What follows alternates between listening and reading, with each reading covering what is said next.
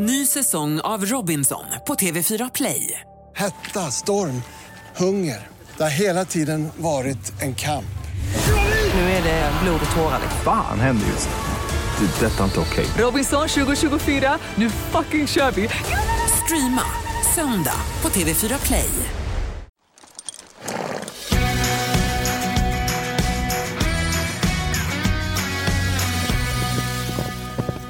Välkommen till ännu ett nytt avsnitt av podcasten Ridklubben. Hallå, Rebecka. Hej, Gry. Idag ska vi prata kvarka och sjukdomar med eh, stadsveterinären Gittan. Ja, det ska bli så intressant. Det har ju, om du lyssnar på podden precis när den kommer ut så har det under hela veckan varit en kvarka-kampanj som pågår för fullt nu. Precis. Som vi tar del av.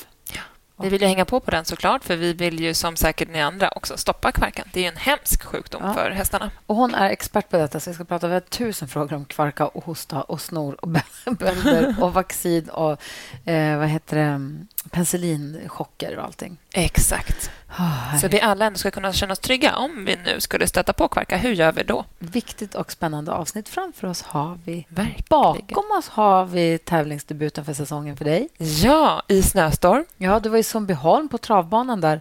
Jag har aldrig varit där förut. Jag, var tittade, jag tittade in bara en kortis i Eskilstuna, Sundbyholmstravet, inne i mittcirkeln. Liksom. Alltså Exakt. I, i, i, ja, ovalen innanför travbanan, där är det två tävlingsbanor där det pågår parallella tävlingar. Ja, men precis. Så Sundbyholmsfamiljen kallar vi oss, som är där och råddar runt de här tävlingarna. För du är med och arrangerar det då, eller? Ja, eller jag är med och jobbar i alla fall. Ja. Eh, mamma och eh, Anneli Stallet, de har varit barnchefer där eh, ganska många år. Så då har jag varit där och varit med och jobbat och varit lite vice barnchef när de har gått och ätit lunch. Typ har jag fått ja. ha lite ansvar. så, och nu är inte mamma där i år på grund av corona, att, hon inte, att de håller sig lite eh, för sig själva. Men, eh, så jag var där i år och det var så otroligt kul och jag var så pepp på tävlingsstarten tills eh, jag slår upp ögonen på morgonen och det snöar ute. Ja, för så här, du och jag jobbar ihop på radion på Mix Megapol och du brukar alltid försvinna iväg några dagar här på våren och komma tillbaka brunbränd för att stå ute på tävlingsbanan och glad. Men nu var det inte lika kul. Nej, inte lika brunbränd efter den här första veckan. Men, och då var jag lite inne på att jag inte skulle rida där på torsdagen för jag kände att så här, jag kan rida två klasser imorgon istället för att rida en om dagen. För du hade med dig salsa dit? Precis, då hade jag med mig salsa ena hästen och, men så tjatade Anneli på mig att säga, jo, det, passa på, ta det som en träning. Se hur hon reagerar och vad händer och sådär. Så jag red faktiskt. Och Jag såg ingenting i motvind, för då haglade det isbitar i ansiktet. Så Då blundade jag och var glad att hästen kunde se. Ja, men det gick bra. Men vi var felfria och hon var jätte... jätte men vi skötte sig jättebra trots vädret. För Många hästar var ju lite stissiga och tyckte ja. det var lite så. Men så då körde vi egentligen... Jag hann precis rida och det gick kanske en eller två timmar till. och Sen ställde vi in, för då började det snöa på riktigt. Ja. Så marken var vit och hästarna började få stylter. Och då började det bli en säkerhetsfråga. Ja. Så då ställde vi in resten av dagen, vilket vi funktionärer inte tyckte var helt fel. Men sen red du dag två också? Ja, och sen på fredag var det soligt och härligt väder och då debuterade vi 1.10. Oh. Och var felfria där också. Hon var jätte... Nej, hon kändes jättefin. Gud, vad roligt. Ja. Och du gjorde debut också dina nya ridbyxor. Tack Jackson för att ni är med och sponsrar Ridklubben-podden. Vad glada vi är för det. Du har ju nya vita tävlingsridbyxor från Jackson. Hur ja. funkade de? Alltså, ingen är ju gladare än jag för Jackson just nu. Jag har ju verkligen haft lite dille på samma ridbyxor så himla länge. Ja. Men nu har jag hittat mina nya favoriter så jag måste beställa två par till vita ridbyxor. För jag älskar dem. Jag satt som en smäck. Oh, Gud, vad härligt. Och de kändes inte genomskinliga? Att det kändes som att man visade trosorna? Eller? Nej, de var helt perfekta och så sköna. Och nej, jag älskar dem. Gud, vad härligt. Jag var inne på Jacksons hemsida nu och kollade på vårnyheterna. De har en sån tränings... Alltså kallar de det för funktionstopp kanske. Som en ganska kortärmad t-shirt men ändå med lite krage och dragkedja med så här smart material. Den såg svinhärlig ut nu om det, om det blir vårväder snart. Ja, man kan ju hoppas att det slår om här. Ja. Vilken dag som helst, hoppas vi. Ja, hoppas verkligen. Och som sagt, tack snälla Jackson för att ni är med och sponsrar. Och till dig som lyssnar, gå in på deras hemsida. Jackson.se. De har skitmycket fina grejer. Både kläder för oss som rider, men också grejer till hästarna. Ja, köp ett par ridbyxor. Du kommer inte ångra dig. Alltså, jag lovar. Jag älskar också mina Ska du också köpa ett par för snart hoppas vi ändå att tävlingssäsongen öppnas upp för alla här ja, under för sommaren. ser det mörkt ut fram till hösten, tror jag. Ja, men någon gång kommer det ju öppna. Och Då tänker jag att man kanske behöver ett par nya vita ridbyxor. Och Då slår jag ett slag för Jacksons. De var inte tråkiga. Och sen så kom jag, apropå Sundbyholm, på tävlingarna då, så när du hade tävlat klart med salsa, då kom jag körandes med Neo och så bytte vi. Mm. Så jag lämnade Neo hos dig och åkte hem med salsa. Hur Ja. gick det? Nej, men också fantastiskt bra. Han är ju... Han, ni rapporterade också till mig när han var hemma i stallet och stod och sov och trodde att ni hade drogat honom. Han var så slö, han var så trött. Jag gick med honom för att jag skulle ta på honom benskydden. Han släpade sig fram genom stallgången. Han stod och blundade. Han var så trött. Jag tänkte, här kommer du få kicka igång ordentligt. Nej, nej, nej, nej. Det behövde jag inte göra, för det gjorde han. Han var helt sjövild där på kvällen. Ja, när eh, Nico, en tjej som brukar följa med mig och hjälpa mig med hästarna och gromma lite, hon skulle ut och gå med honom där på fredagskvällen. Ringer efter två minuter och bara den här hästen går jag inte med ett steg till för att han är helt sjövild. Jaså? Han tyckte det var kul.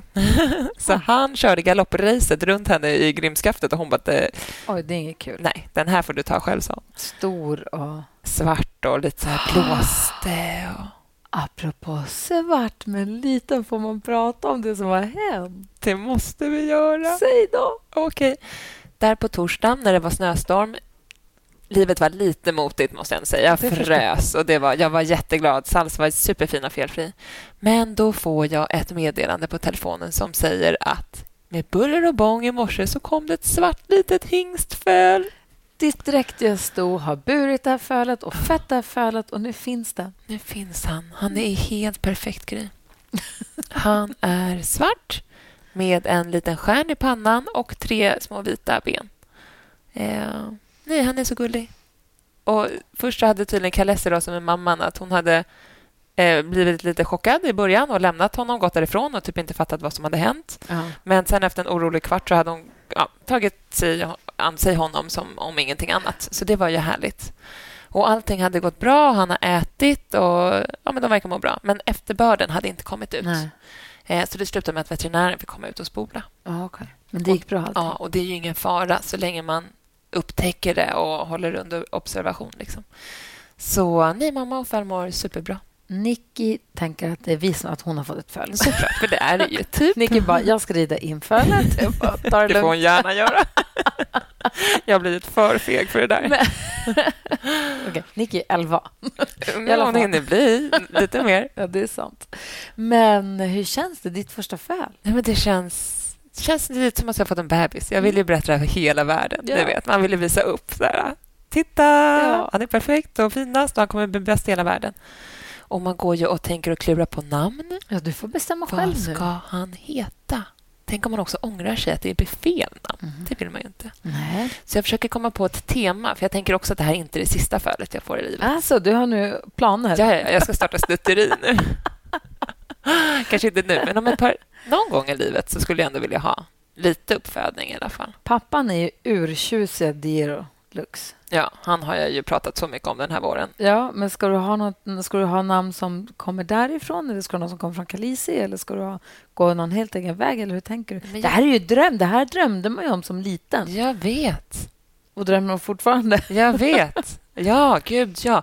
Man, var ju så, man ville ju nästan döpa om sina första ponnysar. Ja. Bara för att man ville ju döpa själv. Liksom. Det var ju störst. Man kallade dem ju någonting helt annat för att man ville döpa om. Liksom. Jag ville ju döpa om Neo, men det var dyrt att byta namn. Jättedyrt. Det kostade flera, många tusenlappar att byta namn på dem. ja. Nej, men så jag, mina bästa hästnamn som jag har stött på hittills, det är Atlanta. Det är mitt absoluta topp Men då har du haft en häst som heter ju... Jag, känner två hästar som har hetat det. De är jättebra. Atlanta är mitt bästa och Ja. Hudson Bay tycker jag också är ett fint hästnamn. Men geografiska namn då? Jag Ja. tycker Texas är jättefint. Ja. Atlanta, Texas, eh, Idaho. Nej, inte vet jag. Indiana är inte tråkigt. Nej. Och ingen tråkig häst som heter Indiana heller. Belize, är också fint. fint. Ja. Nicky satt i bilen häromdagen och tänkte att man kunde ha hotellnamn. Ritz, Sheraton, Hilton, Hilton. Fast det blir också... Nej. Jag Ja. ångrade mig direkt, kände jag. Scandic. Förlåt. Nej.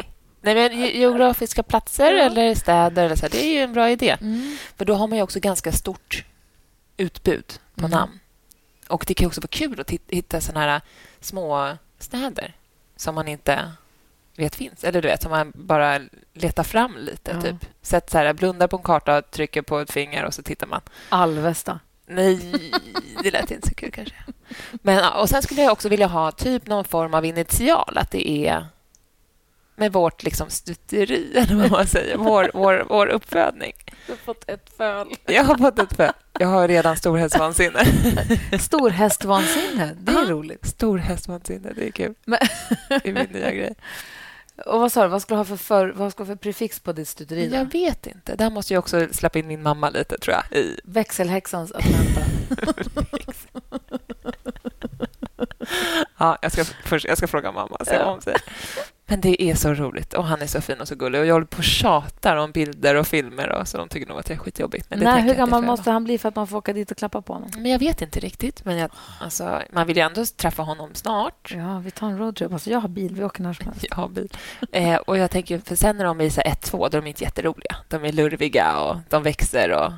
Nej, men vad nu? När är Exakt, föl? man vill ju liten träffa honom och liten hova. Och liten... Jag tänker att man kanske vill åka dit snart, här i maj, kanske i juni. Ja. Och sen kanske sensommaren också. Och då får vi se till att byta kläder ordentligt, så vi har rena kläder och trampat i virkon ordentligt så att vi inte får med oss någon smitta någonstans ifrån. Vi ska prata om smittor och om eh, eh, kvarka med, med stadsveterinären Gittan. Ju.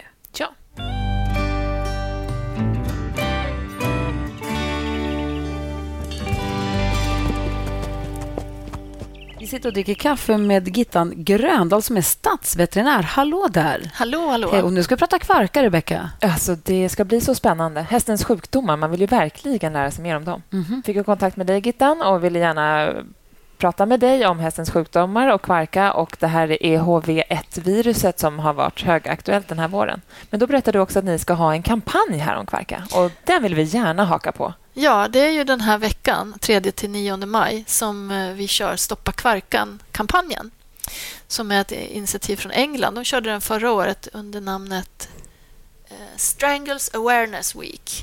Eh, och nu så driver SVA tillsammans med flera andra organisationer, veterinärer och hästorganisationer, Ridsportförbundet och andra, eh, lite sociala mediekampanjer den här veckan. Jag hoppas att ni får se lite olika grejer.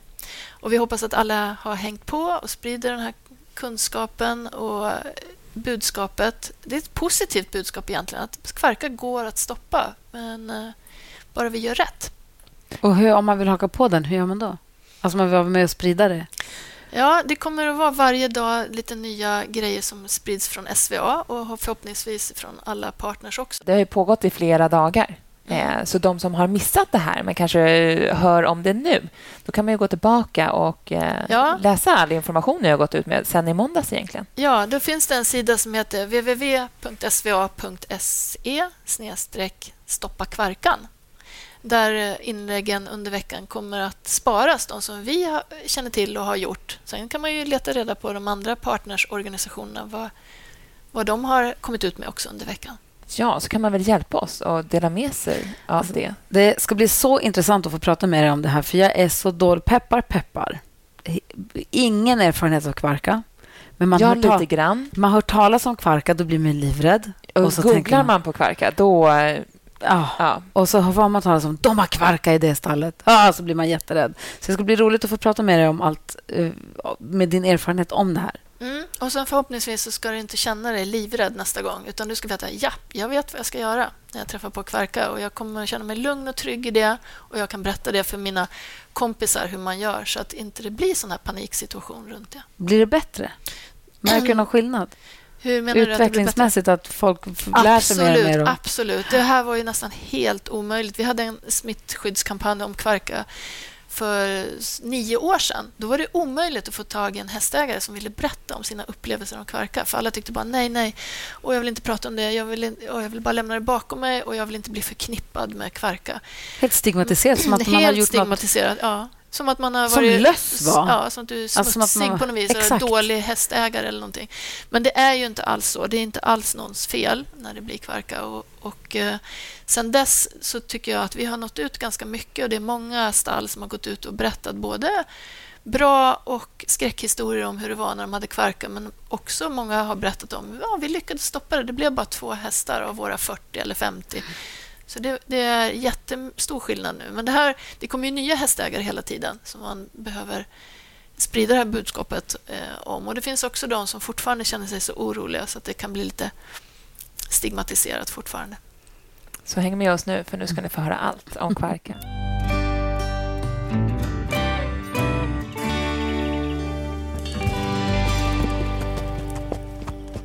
Hur mycket hinner du vara i stallet? Nu har jag lite stallledigt.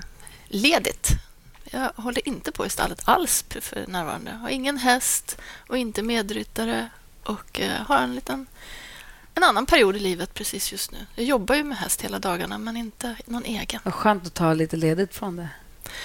Ja, det är både och. Alltså det, jag, skulle, jag tycker det är ett underbart tidsfördriv. Mm. Men nu är det andra saker som tar tid. Vi sitter och dricker kaffe med Gittan Gröndahl, stadsveterinär. Vad är det? Det är att man jobbar på SVA, Statens veterinärmedicinska anstalt. Eh, det är, vi, det är de som har stadsveterinärer. Vi jobbar mot alla veterinärer i hela landet eh, som experter liksom, och hjälper dem i olika frågor. Och Hela syftet med myndigheten är som en smittskyddsmyndighet för djur. Eh, så vi, mottot är friska djur, trygga människor. Så vi hjälper till att bekämpa och förebygga sjukdomar och forskar på det och diagnostiserar dem, ger råd kring hur man ställer diagnos och hur man ska hantera det och också hur på sikt liksom hur man bekämpar det. Håller koll på vilka smittor som finns i utlandet och i Sverige. Håller koll på antibiotikaresistensen, hur det utvecklas. Och det är alla smittsamma saker då, som parasiter, bakterier, virus, prioner. Allt det äckliga med att ha häst. Allt det som man gruvar sig på. Och vi ska prata om smittor i allmänhet, men kanske kvarka i synnerhet. Men det som vi pratade om nu precis inledningsvis var också så här, huruvida du hänger i stallet. Jag förstår om det som man jobbar med det du jobbar med. Och just det här, de liksom bökiga och tråkiga bitarna egentligen för en hästägare. Då, att om du också hade häst och var i stallet alltid. Det måste vara som att aldrig vara ledig. Du, det blir verkligen som att... Ja, det kan ju bli så för många veterinärer som har häst att eh, när de är i stallet då vill de vara lediga. sen kommer stallkompisarna. Du, kan du bara kolla på en grej? Kan du känna ja. på det här? Eh, så blir det lite jobb när man är där. Så det ska man tänka på om man har en veterinär. Var snäll om veterinären och krama på den och fråga om lov. Liksom, är det okej? Okay? Kan vi boka tid så du kan kolla på det här så att de får vara lediga ibland också? Just det. Jag har en kompis som är läkare. Det blir rätt att mm. man... Martin, jag har en jobbfråga. Ja. Hur funkar det med det här? det kliar i underlivet. Hur gör jag nu? Det kan bli med ganska spännande middagskonversationer också. Ja, Alex, min man, ringde ju. De är ju jättebra kompisar, Alex och Martin. Han ringde.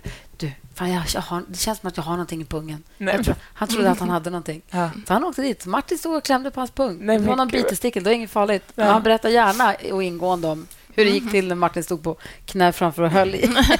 Det är också hans jobb. Så ja, det, är det, det är inget konstigt för honom. Istället för att stå och skåla med någon eh, trevlig person i baren. ja, på fester, men ändå. ja. Men du har ridit och haft häst? Och... Ja, jag har hållit på med hästar ända sedan jag var liten. Hur kom du in i hästsvängen? Ja, det är faktiskt ganska lustigt. Min mamma tog med mig när jag var sju år på en ridskoleinvigning. Och så drog vi, köpte lotter och jag vann tio ridlektioner Nej. när jag var sju år. Så jag hade inte liksom hållit på med hästar och på massa andra djur fram till sju år. Men då vann jag de här tio ridlektionerna och så körde hon mig dit och så tänkte hon att jag börjar också rida när Gittan rider. Så började vi så då. Men gud vad mysigt. Och sen var det, ja, på den svängen var det ju då. Och sen så Eh, mamma djurintresserad, pappa doktor. Vad kan det bli? Det blev en veterinär. det var skrivet i stjärnorna då? Nej, det var det väl inte. Men man hade väl lite eget intresse. Ja, ja, men ändå tänk vad livet kan ta vändningar. Om du inte hade vunnit, vunnit Nej, och Det lustiga var att härom, eh, för ett halvår sedan så hittade vi den där kryssgrejen där det stod liksom ridlektioner, tio stycken, och så var det avkryssat. Nej. Jo, då hittade vi den. Gud, den där lappen som liksom startade det där. Formade ditt liv till att ja. bli veterinär, alltså stadsveterinär. Det hade säkert hund, kanske blivit hästintresse ändå, men det var så det startade. Och Hur många stadsveterinärer finns det? På häst så finns det bara en. Eh, det är jag, jag är tillförordnad stadsveterinär. Så finns det en biträdande stadsveterinär och en till veterinär. Vi är tre stycken som jobbar med hästfrågor på SVA. Sen så finns det för de andra djurslagen. Mm. Idisslare och gris och fisk och fjäderfä har sina stadsveterinärer. Men ni jobbar ingenting tillsammans? Jo, vi jobbar Jo. tillsammans på en avdelning för djurhälsa och antibiotikafrågor. Så sitter För och det hänger djurslags... ihop, eller? Eh, ja, Häst och andra djur? Och... ja, alltså vi har ju väldigt liknande frågeställningar kan man säga. Mm. Metoder, hur man, hur man kommunicerar om det här och hur man forskar om det här, hur man bygger nätverk. Fast det är ju olika, väldigt olika kunder eller vad man ska säga. Ja, Men, det, men ändå är samma, det är samma princip. Det är liksom våra experter på SVA som är experter på virus, bakterier och parasiter. De har vi i ryggen. Och så kan vi, stadsveterinärerna, då, kan liksom fältet och så är vi bryggan emellan. Jag kan inte släppa fisk. Vem tar fisken till veterinären? Eh, det, där åker ju oftast veterinären ut. Då. Det är lite lättare. Ja. Men, men vi har faktiskt stora akvarier i källaren där på SVA där vi tar emot fiskar som får genomgå olika undersökningar och vaccinationsexperiment. Man kan vaccinera fiskar och sådär. Behandla dem. Och de obduceras. Oftast så ställs diagnosen via obduktion på fisk. Istället för att man frågar dem hur de mår. Men ni får inte fråga mig mer Nej, om nej, fisk, nej. för där är min kunskap nej, nej. slut. Och mina kollegor kommer att säga, vad pratar hon för dille?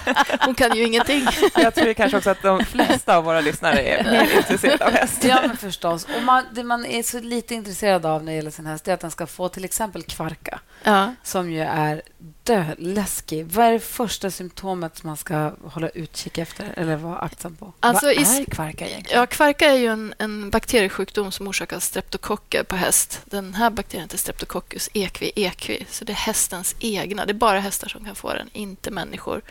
Ibland står det i, i nyheten att människor har fått kvarka, men då är det alltid fel.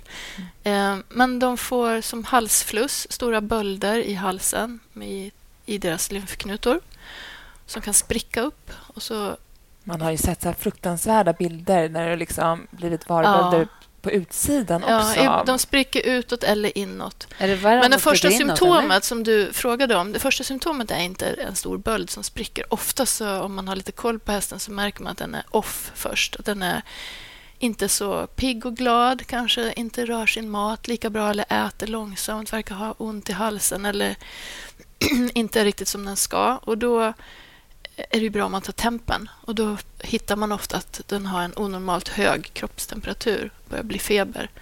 Och då är det jättebra om man gör det, för då hinner man liksom stoppa undan den där hästen isolerat från andra djur. Så kan den inte smitta kvarka, för det är alldeles i början så är de inte så smittsamma. Så Det då kan, man bra. då kan man förhindra att hela stallet blir nedsmittat. Och vad, vad skulle du säga räknas som feber? då? Ja, en normal häst har oftast under 38,3 när den är vila. Ja, okay. Men är det Sen 30 har väl alla individuella kurvor. Så att är De flesta har mycket lägre. Så att det, en jättebra grej är att tempa sin häst vid den tiden man brukar vara i stallet några gånger och skriva upp så man vet vad den brukar ha då. Så man kommer ut någon gång vid samma tid och så ser man att ah, men det här är den, dens vanliga eftermiddagstemp när den kommer in från hagen. Och Sen kan man ju ta morgontemp och kvällstemp också så har man en liten koll på Hur vad mycket just... brukar de skifta under dagen? Ja, det skiftar lite, några tiondelar. Om det är lite soligt ute Okej. eller om de har rört sig mycket i hagen så har de ju några tiondelar högre kanske. Men det ska ju gå ner efter en stund när de har vilat. För de får väl också högre tempo av mat, eller hur? Om de äter. Ja, de, de håller ju oftast värme genom att äta, men det kanske man inte märker så mycket på liksom, kroppstemperaturen. Det är mer om de fryser och sen så slutar de att frysa när de äter. Ja. Men det märker man inte. Kroppen samlar alltid värmen i mitten till de viktiga organen. Så kan den ju frysa ute i, i skinnet. Så Liksom. om hästen fryser om man tempar den, har den då... Den har samma temp ändå. Det spelar ingen roll. Nej, det är ju först när den blir rejält, rejält nedkyld. Om den går ner sig i dike eller Ja, okej. står i vatten länge, Ja, då då får den undertemp. Men annars så sparar den liksom sin temp, stänger av blodflödet till hovarna och öronen och så där. De blir kalla först och så håller den sig varm i mitten. Så Okej. det man ska göra är att hålla koll på tempen. Och tempar den ofta de, de går två gånger i veckan? Eller? Ja, um, först tycker jag det kan vara bra att tempa den då och då så att man skriver upp vad dens normaltemp är.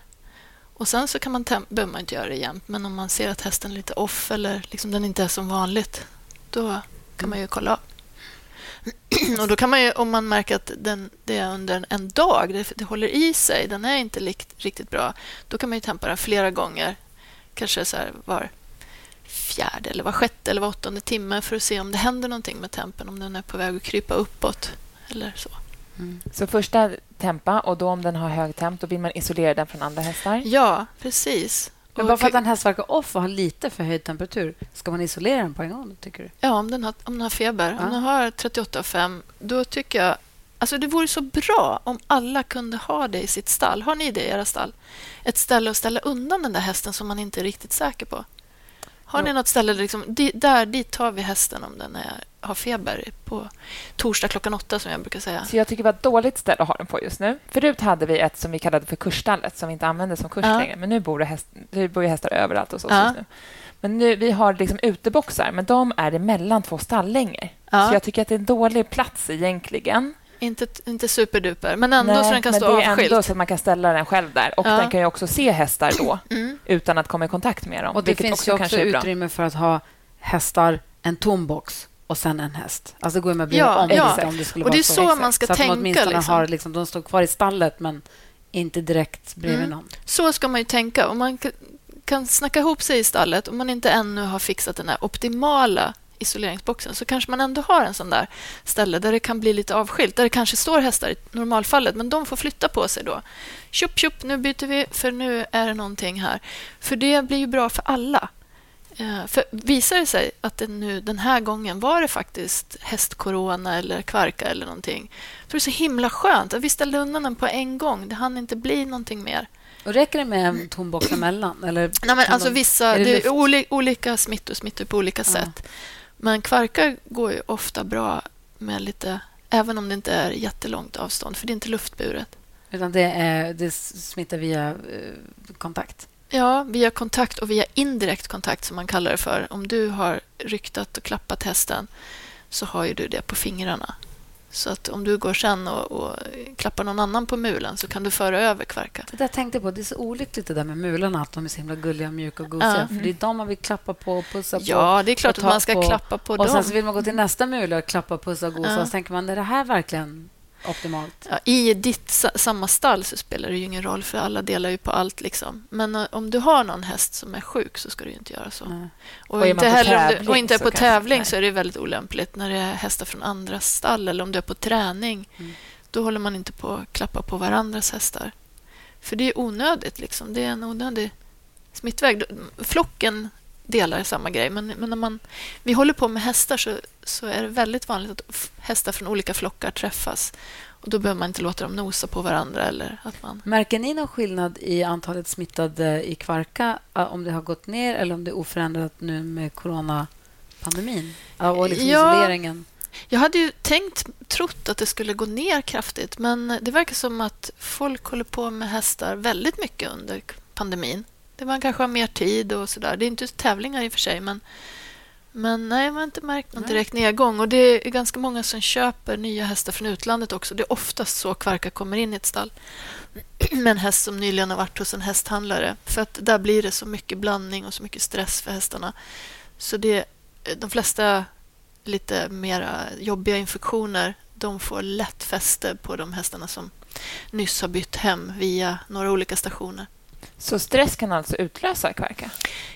Ja, det är ju det är alltid en bakterie, så den går ju inte, det kan inte utlösas av sig själv. Bakterien måste finnas där. Men eh, immunförsvaret fungerar lite sämre när man är stressad.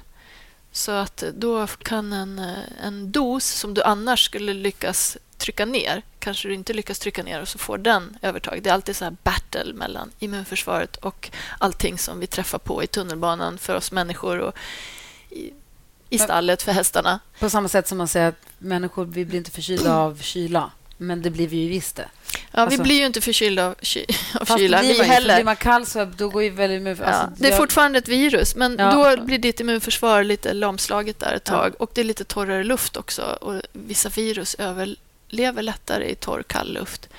Så de håller sig svävande längre och eh, det är lättare att andas in dem. Så därför blir det oftast mer förkylningar när det är kallt. Och samma sak på hästar, för visst är det vanligare att kvarka förekommer höst, vinter, vår? Nej, jag har försökt att följa det nu i flera år och jag kan inte säga att det är så. Det är ganska jämnsmetat. De hästar idag träffas så pass mycket och det är så mycket handel året runt. Så det kan lika gärna vara en stor kvarkaepidemi på ett sommarbete som att det är på vintern. Det, det är inte... det är inte tydliga årstidssvängningar just för kvarka. Nej. Okej, så om hästen har lite förhöjt temp, vad är nästa steg i att det kan vara kvarka? Eller ska man ta ut Ja. en veterinär och provta den hästen direkt? Eller? Nej, man, behöver inte, man behöver kanske inte ta ut veterinär vid första minsta temphöjning. Men den första åtgärden är alltid att ta bort den här hästen från de andra och hålla den under observation. Och Det är klart att är det en rejäl feber då slår man nog en signal till veterinär nästa dag och säger att det är inte ett jourfall. Du behöver inte ta ut akut veterinär på kvällen. Men nästa dag kan man tala med veterinären och göra upp en plan. Då kanske veterinären frågar lite frågor, tar reda på lite mer och så bestämmer ni när det är dags att ta ut veterinär. Eh, många gör ju det då liksom nästa dag om den här febern kanske är ganska hög och hästen ser inte pigg ut. Då vill man, de flesta veta vad är det här. Och så, då kan veterinären ta prover. Det brukar vara vanligt att man om det är luftvägssymptom, det kanske är snor och hosta, svullna lymfknutor, då letar man efter kvarka i de här proverna. Och så letar man efter de vanligaste luftvägsviruserna som är EHV1 och EHV4 och influensa. Alltså virusabort, EHV4 och influensa. Och om, den, om hästen är lite snorig, vad ska man vara pass på där? Då? För den kan ha genomskinligt, bara det rinner ur näsan Ja. lite. Eller vad, Ja. vad är det man ska vara pass på på? Vad, vad tycker du? Om du tittar på dina snoriga hästar, känner du liksom de är inte snoriga. Får du panik om de frustar lite efter Nej. ett ridpass? Oh, nej. Jag älskar när de frustar när man rider. Ja. Det tycker jag är toppen. Så att de frustar lite. Men jag, jag tänker mig att det är som med barnen, på barnen. Ja. Att om det är lite genomskinligt som rinner någon gång efter de har ansträngt sig eller kommit in från Ja. utomhus eller vad det kan vara, är ingen fara. Men om det börjar bli färgvitt eller grönt eller färgat eller mycket, då hade jag blivit skiträdd. Ja, Jag blir inte skiträdd om barnen blir så snåriga, men hästarna... ja nej, men det, jag håller med dig där. Att eh, lite genomskinligt näsflöde, det hör liksom till att röra sig. Och de får ju också, som vi, liksom, man blir lite blöt i näsan när man cyklar och det blir hästen också när, man, när de håller Kommer igång. Ja. Det betyder ju inte någon infektion. Men eh, om det blir, blir lite mer riklig mängd och kanske tjockt och sekt eller varigt gult eller så, då är, då är det ju inte så bra. Men det är inte alla gånger som snorig häst betyder infektion. Ibland är de ju överkänsliga till exempel mot pollen eller damm eller eh, så att de har en inflammation, mer som en astma. Och Då kan de ju hosta och vara snoriga, men då har de ju ingen feber. Så om en häst har kvarka, då har den alltid feber? Mm, ja, det är väldigt vanligt att de har feber. Kanske när vi- tittade tillbaka gjorde en undersökning av alla gårdar som har haft kvarka i Stockholms län och Västra Götalands län, tror jag det var. Och frågade, gjorde enkäter. Liksom, hur många hästar blev sjuka och vad hade de för symptom? Så vi fick ganska bra data. Och Då var det kanske 80 procent som visade feber. Så 20 procent gjorde faktiskt inte det. Nej. Men då hade de något annat symptom som gjorde att de var ändå med i, i businessen där. Ja. Men om man då har ett litet ställe som man kan isolera den här hästen men man har kanske an- många andra hästar på gården Mm. och är det kvarka, då smittar ju det bara via kontakt. Så då kan ju den stå där, fast ganska nära.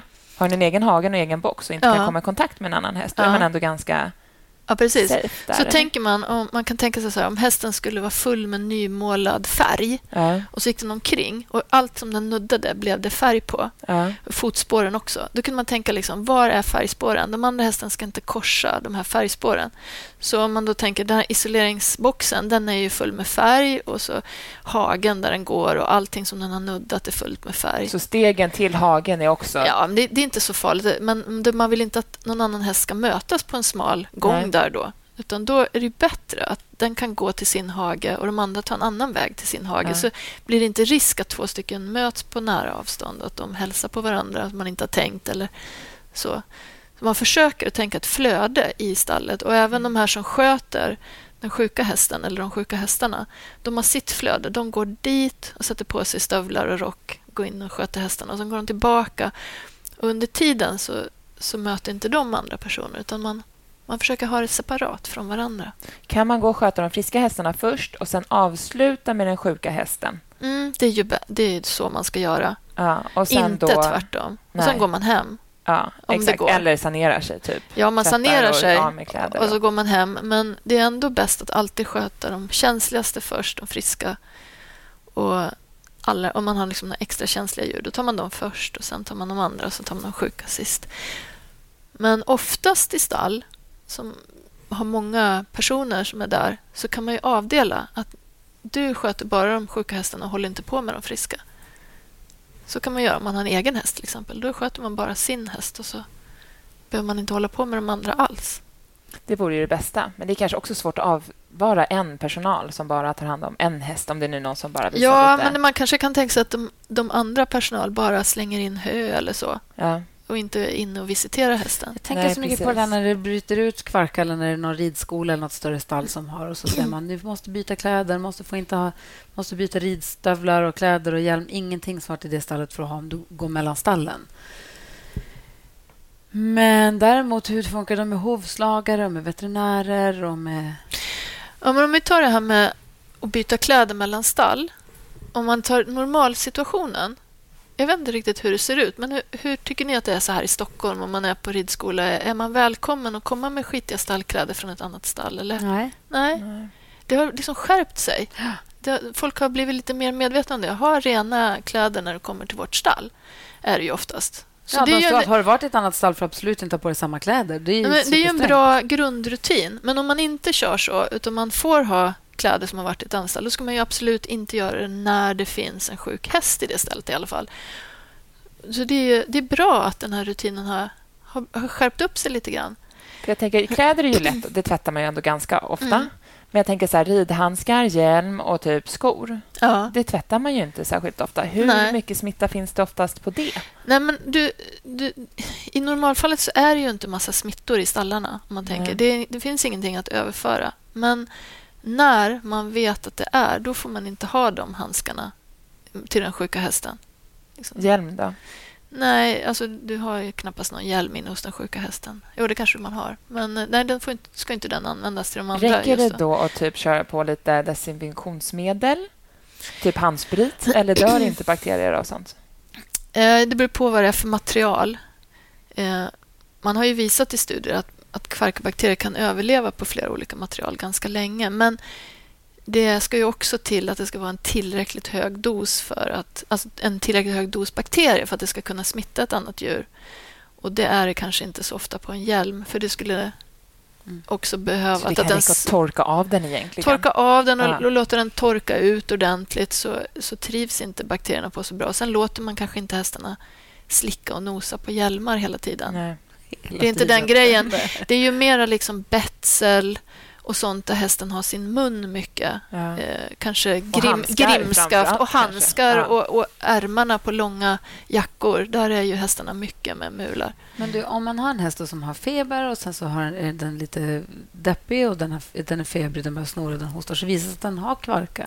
Vad kan jag förvänta mig kommer hända sen? Alltså är det kört? Kommer den dö? Eh, nej, det, det brukar oftast gå bra, men det kan bli lite långvarigt och det Ja. kan bli lite jobbigt för hästen. En del får ju bara en mildare infektion som en förkylning. Och sen så, det, det jobbiga är ju när de får de här stora bölderna. Mm. Lymfknutorna Hur stor är den sväller. största bölden du har sett? Ja, de kan vara som en apelsin. Det är verkligen jobbigt. Och det, Ja. kvarka... Eh, det betyder... För, under, mellan ganacherna? ja, eller? precis. Under ganacherna på en normal häst, frisk häst, så kan man känna som små, små mandlar. Mm. Eh, Och Det är de mandlarna som blir pingisbollar, som kan bli tennisbollar eh, och så kan de spricka upp. Och sen bakom ganachen, eh, mellan liksom den rundade delen på huvudet och halsen, där kan det också svullna väldigt mycket. Och då kan de få problem att äta? Ja, då, då står de liksom lite framåtsträckt huvud för de har så ont i halsen och så vill de inte svälja maten. De tycker det är lite jobbigt att äta och dricka. Eh, så det, det kan bli så. De kan få feber, de kan få de här bölderna. Man måste då sköta om bölderna när de spricker. Det är sår, sårvård. Liksom. Hur ofta spricker de inåt och hur ofta spricker de utåt? Och vilket är värst? De som är under hakan de spricker utåt alltid. Och de som är mer inne i huvudet, inne i halsen, de spricker inåt. Och Det här väldigt gula snoret som kommer ut det är egentligen var ifrån de här bölderna som har spruckit. Och de kan man ju inte ta hand om Nej, egentligen. eller? nej, det kan man inte. Nej. Nej. Det är ju lite antiinflammatoriskt smärtstillande medel man kan ge då. Och är de riktigt, riktigt dåliga så att de inte kan äta eh, eller har svårt att andas, då får man ju sätta in lite mer behandling. Det, den man här, något slemlösande så att det blir lite rinnigare? ja, men det oftast inte blir- är det penicillin då Ja. som man sätter in. Men grejen med penicillin är att Egentligen är bakterien känslig för penicillin men många hästar får ett återfall när man slutar med penicillinet. Och hela, då tar hela sjukdomsprocessen mycket längre tid än om man hade låtit det läka utan penicillin. Så det är inte standard att sätta in penicillin på alla hästar med kvarka utan man gör det... Är penicillin och antibiotika samma sak? Ja, eh, eller antibiotika är alla medel som kan användas mot bakterier. Ja. Penicillin är ett av dem. Okay. Och penicillin är det som man använder till kvarka och streptokocker. Okay. Så penicillin är alltid antibiotika, men antibiotika är inte alltid penicillin? Nej, precis. Jag förstår. Jag mm. förstår. Och penicillin på hästar kan man inte ge med tabletter eller i munnen utan det ges alltid med spruta i muskeln.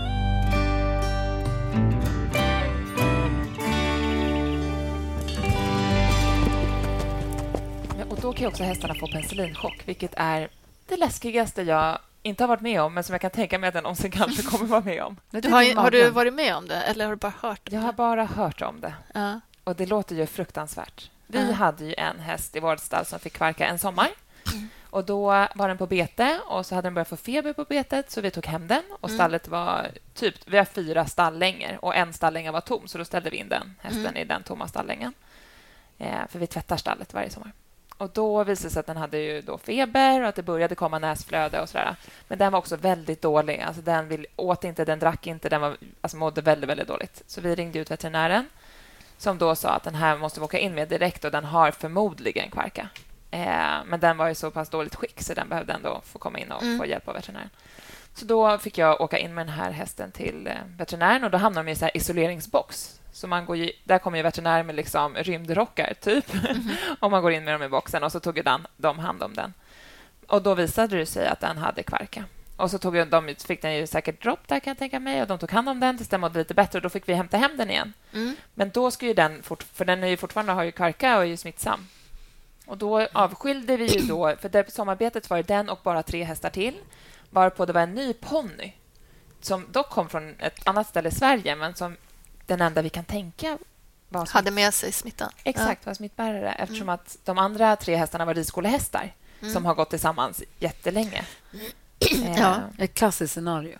Det är ett klassiskt scenario. När man blandar hästar från nya ställen så är det oftast då det blossar upp. För hästar kan vara tysta smittbärare av kvarka. Alltså de bär på bakterien, men eh, de har kontroll över den. Liksom. Immunförsvaret trycker bort Immunförsvaret trycker ner det hela tiden. Men sen så kanske om de eh, sänker huvudet och dricker ur en hink så kanske det rinner ut lite, lite näsflöde i den där hinken och så kommer en annan häst och, och dricker av det som inte har de antikropparna och så får den kvarka. Då. Mm. Så ofta när man blandar hästar på det sättet så kan en tyst smittbärare göra att en annan häst blir sjuk. Det kan ju också vara så att den här tysta smittbäraren är nyligen flyttad och då, själva den här flytten i sig gör att den kanske får lite mer näsflöde för att den får ett virus eller någonting. Och då kommer de här bakterierna lättare ut också ur huvudet där de annars bor i lugn och ro och smittar ner andra. Tyst smittbärare låter jävligt obehagligt. Kan man vara det av corona? Kan människor, nu vet jag att du är veterinär, men kan människor vara det på corona också? Ja, men det är väl det man pratar om. Det är därför man ska hålla avstånd även när man inte visar symptom. Även om, jag har, om jag har antikroppar, vilket jag tyvärr inte har, men om jag har antikroppar, kan jag ändå vara tyst smittbärare av corona? Då?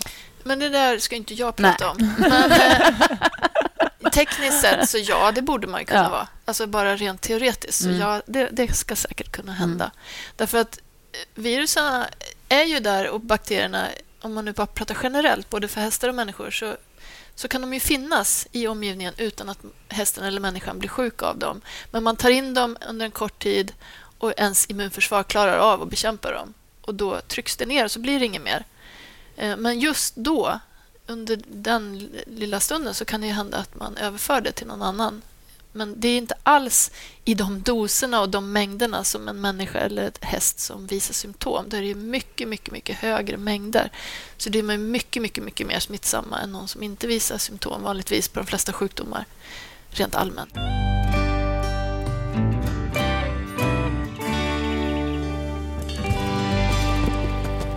Nu vart jag lite distraherad. Vi kom, jag och Gittan kom på här att vi har ridit på samma ridskola i Falun när vi var små. Ja. Sveden. På Svedens ponnyklubb. Ja, ja, det är rätt på Unika som var så fin. Hon kastade ja. av mig, men hon var så himla gullig. Ja. Men de hade också åsnor. Ja, de hade Mario. Just det. Mario? En grå. De hade en Ja. grå och en brun, va?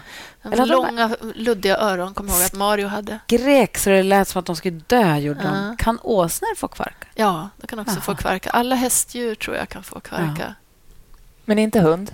Nej, Men kan hundar sprida smitta i stallet om de är lösa? ja, på samma sätt som människor. då. Ja. Alltså de får det på sig och så råkar gå över till någon Ja. annan och föra över det. Men, så man, man har en isolerad häst för någon smitta så ska man inte låta hundar gå där inne och gå till andra hästar. Mm. För säkerhets skull. För de Ja. kan ju inte sprita tassarna och nosen och sådär. Nej, men precis. Okej, tillbaka till vår häst som fick kvarka. Just det. Vad hände? Det, det var Med... ändå lite tur, för att det var ju sommar och då är det lättare egentligen att isolera hästar i en sommarhage Ja, än i stallet. Och där är Ja. ju inte så mycket människor och vi Nej. satte upp skyltar att det var sjuka hästar så man fick absolut inte röra dem och sådär. det är jättebra med sommar. Och, faktiskt många på vår och höstmånader kan man ju också köra isoleringen utomhus. För många hästar klarar ju att vara ute dygnet runt. Då kanske man bara får stödfodra dem med lite ensilage, men det går ju också bra Ja, att göra ja det måste man ju absolut göra. Man måste ju, de måste ju ha mat, men, men de kan ju bo ute. Ja. Eh, om man får en ny häst också till stallet och inte... Om man vill ha den avskilt ett tag, då skulle man ju kunna tänka sig att den kan vara ute de första veckorna. ja, men precis. Men det, Eh, då, gärna vindskydd och sånt där om det är dåligt väder förstås. ja, exakt. För då... Men då, den här hästen skulle då få penicillin för att den var så pass dålig. Mm. Så veterinären ville att den skulle få penicillin. Men då var vi också tvungna att ge den penicillin i hagen. Och då kommer vi till den här penicillinchocken som kändes Mm. väldigt obehagligt om den skulle få det i hagen. Nu fick den ju som tur var inte det och allting gick bra. Men jag vet ju hur vi stod liksom med den och vi stod bakom ett träd. Så man var ju ändå väldigt Men vad är en försiktig. penicillinchock? Då? Vad händer då? Berätta. Så det jag har hört... Jag känner att du byggt upp ett monster av det Ja, ja, att hästarna springer ju tills de stupar, typ. Och de kan springa in i träd och människor och alltihopa. Att de, Ja, de, får ju, de blir ju liksom, får en liten blackout, hästen. Och den blir, kan bli ganska aktiv då. Den kan röra sig, som du sa, eller gå omkull och fäkta med benen och sådär. Man vill helst inte vara nära den, när den är, för den vet inte vad den gör just då. Den är, har en blackout. Eh, och det, så därför är det bra om man ska ge penicillin att man gör det i boxen. Man står nära boxdörren och ger den här injektionen i lugn och ro. Kollar att det inte kommer blod. För när man ger eh, intramuskulär injektion så kollar man alltid först liksom att man inte ligger någonstans där det kommer blod. Och så sprutar man in det här i lugn och ro. Och sen backar man ut och stänger dörren. Eh, och ja, menar, 99,9 procent av gångerna så kommer det ju att gå bra. Men en del hästar kan då få en reaktion. Och då är det bra att man har stängt dörren och inte är inne i boxen hos den. hur länge pågår en penicillinchock? Ja, det känns ju som en evighet, men det är nog inte så lång stund egentligen. Nej.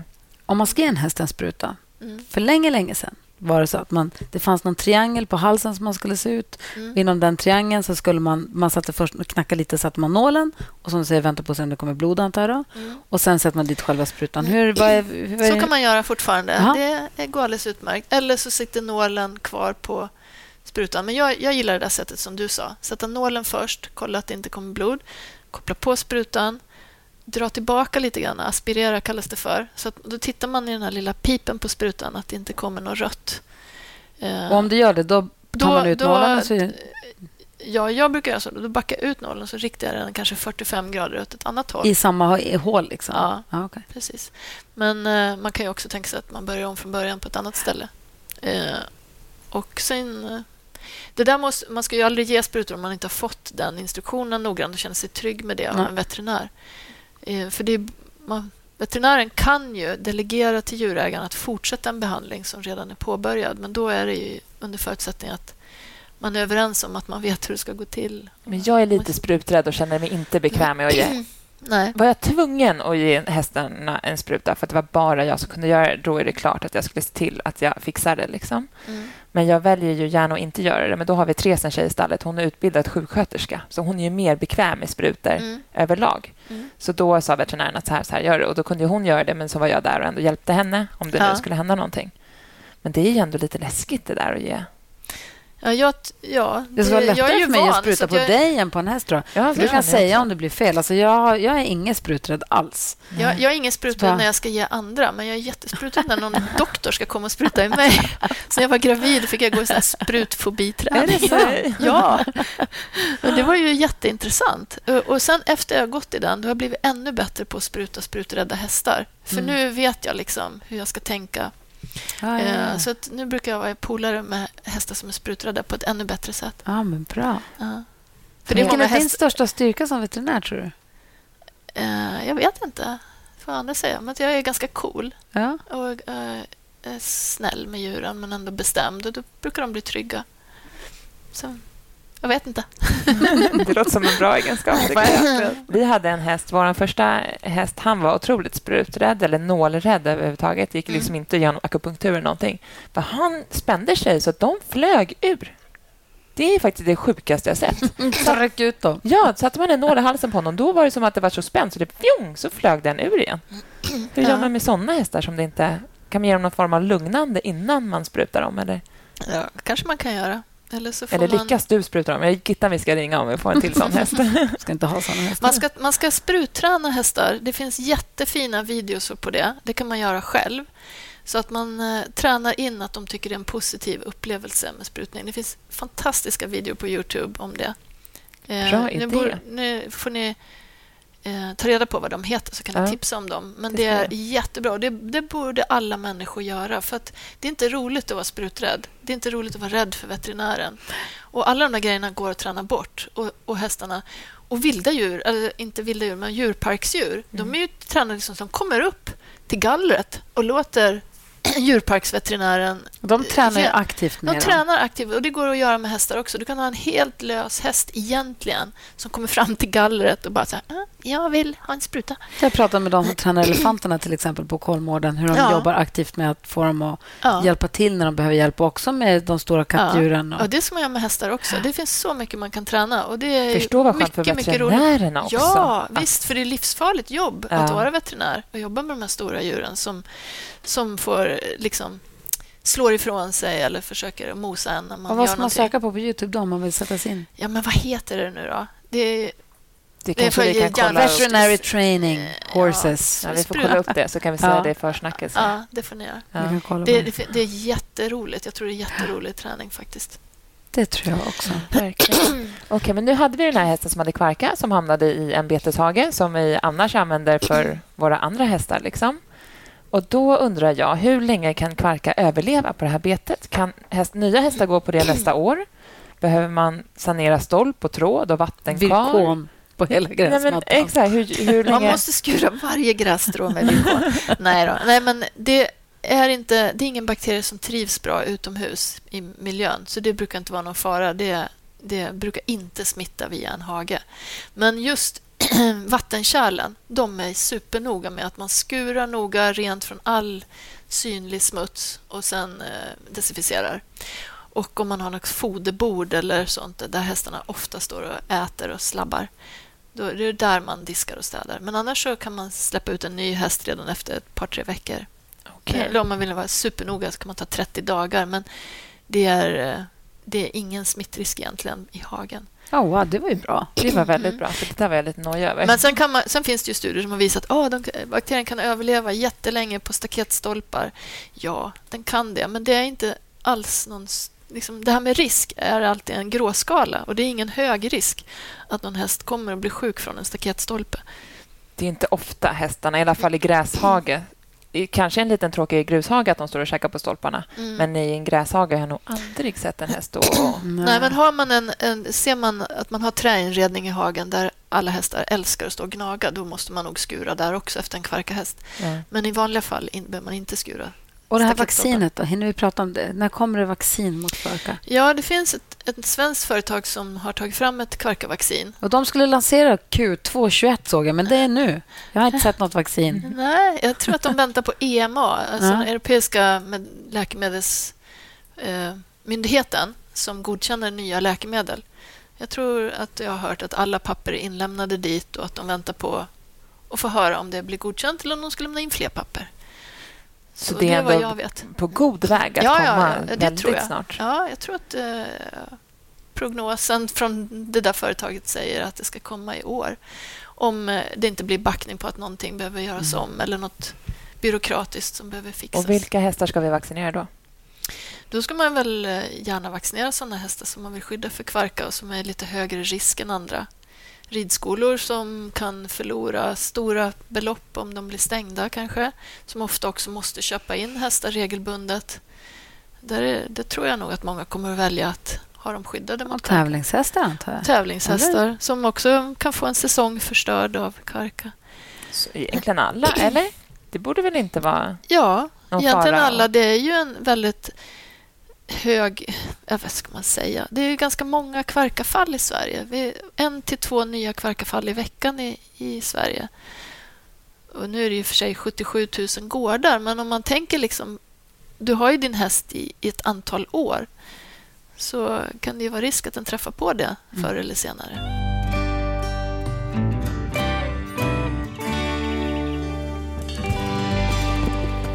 När vi hade kvarkar i stallet, det sprids ju, för då, det är någon hemsida som det kommer ut att det är ett konstaterat kvarkafall på Värmdö, kan de till och med skriva. Ja, det finns ju eh, smittoinfo. Just det. Så man tar www.travsport.se smittoinfo. Ja, och där, där skrivs alla... Ja, då kommer de här eh, anmälningspliktiga sjukdomar kommer upp där som Länsstyrelsen har fått ett meddelande om att det är en misstänkt eller konstaterat fall av kvarka till exempel. Då brukar det, Länsstyrelsen mejla till den här eh, smittoinfosidan så kommer det upp att det finns ett fall här eller där. Det är inte detaljerat på stallnivå. Men, men stadsdel i alla fall, ja, eller lite, område eller ja, kommun? kommun eller, kommunnivå ja. brukar det vara. Och Då ja. brukar det ju sen spridas som en löpeld på typ Facebook eller sociala medier. Mm. Där folk luskar ju, för att alla vill ju veta gärna vilken häst som har det. Mm. Och så Där känns det också svårt det blir häxjakt nästan. ja, men lite. Och det kan också kännas lite skämmigt kan jag tänka mig för många. Att det mm. är lite pinsamt. Vi valde ju att gå ut med information och berätta att den var på bete. Och stallet var ju nästan tomt och vi sanerade ju där den hästen var. Men att vi hade kvarka och bla bla. Men jag kan tänka mig att har man ett litet stall så kanske man egentligen inte, som inte har hästar som åker och kommer och då behöver man ju egentligen inte gå ut med och berätta att man har kvarka om man inte vill? Eller? Nej, man gör ju som man vill. Och Jag tycker att alla som drevar mycket på sociala medier och, och sätter igång rykten och så, sluta med det. Det är inte trevligt. Det är inte bra. Det är inte bra för era hästar. Det är inte bra för smittskyddet. För det gör att folk känner sig liksom oroliga att gå ut med. Det, det är bättre att att man, om man går ut och man har fått kvarka, att alla stöttar och supportar. För mig veterligen har nästan aldrig hänt att det har spritts kvarka från ett stall som vet att de har kvarka. Alla är så himla noga och de är så duktiga på att eh, se till att det här inte sprids till något stall på bygden. Det, det är otroligt ovanligt att det händer. Så i första hand, liksom, lita på att de kommer att göra allt för de vill inte heller att deras andra hästar i stallet ska få den här smittan. Så de gör vad de kan och eh, de kommer inte du kommer inte att bli smittad av kvarka när du går på ICA och handlar eh, för att någon annan har varit där. Det kommer inte att hända. Så när man hör att någon har fått en smitta, kvarka eller någonting annat, stötta och supporta, skicka tummen upp och, och liksom deltagande känslor istället. Vad jobbigt för er, hoppas det går bra, ja, vi håller tummarna. För då kommer det att leda till en, en positiv vibe så att man är, vågar vara öppen om att vi har stängt på grund av det här.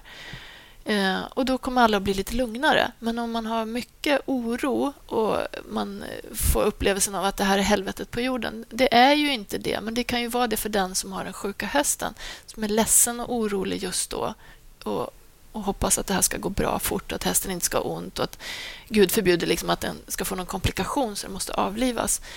Men eh, det, men det som det. du säger är ganska viktigt ändå, att som du säger, det veterligen så är det ingen kvarka som har spritts från ett stall med kvarka där man vet om att man har Nej. kvarka. Utan det sprids med att det kommer en ny häst till stallet oftast. Vet. När man inte har en aning. Ja. De som vet om, var inte de man ska vara Nej. rädd för. För där sköts det ja. och folk tar det på ja. sånt allvar. Ingen skojar så. bort och ingen får och liksom yrsla runt mellan stallen när du vet det... att det finns kvarka. Utan så ta det bara lugnt. Nej, det är inte alls. Man ska inte vara rädd för dem alls. Utan de ska man bara stötta och supporta. Det, det som man behöver ta tag i det är de nya hästarna som kommer in. Att man är lite försiktig. Att man ger dem ett snällt välkomststall där de kan stå i två, tre veckor och liksom få landa på sitt nya ställe.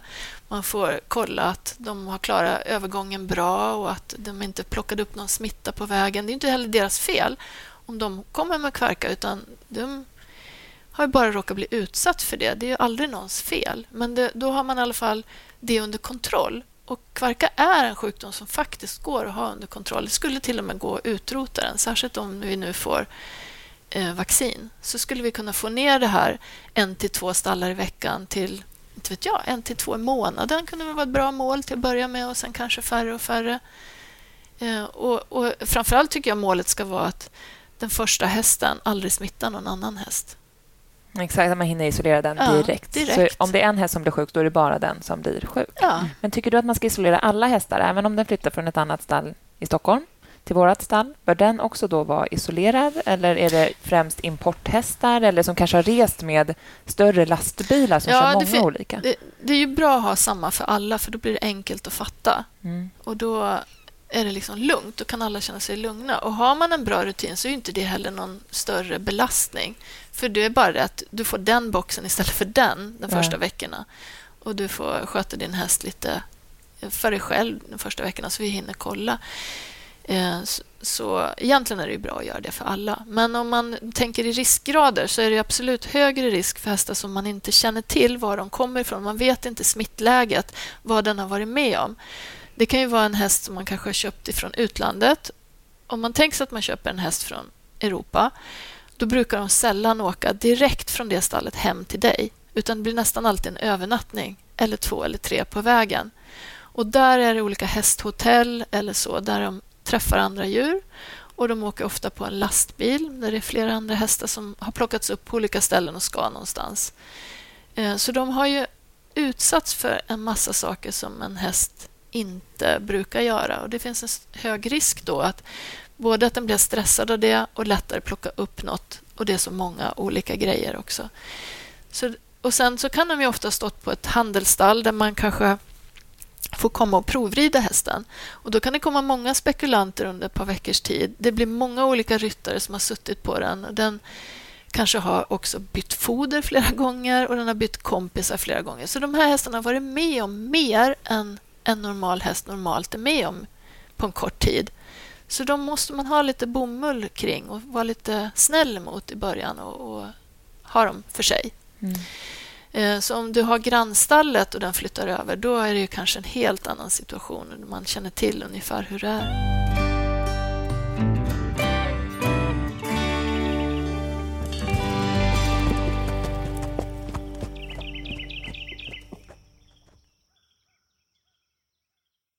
Ny säsong av Robinson på TV4 Play. Hetta, storm, hunger. Det har hela tiden varit en kamp. Nu är det blod och tårar. liksom. Fan händer just nu. Det. är Detta är inte okej. Robinson 2024, nu fucking kör vi! Streama söndag på TV4 Play.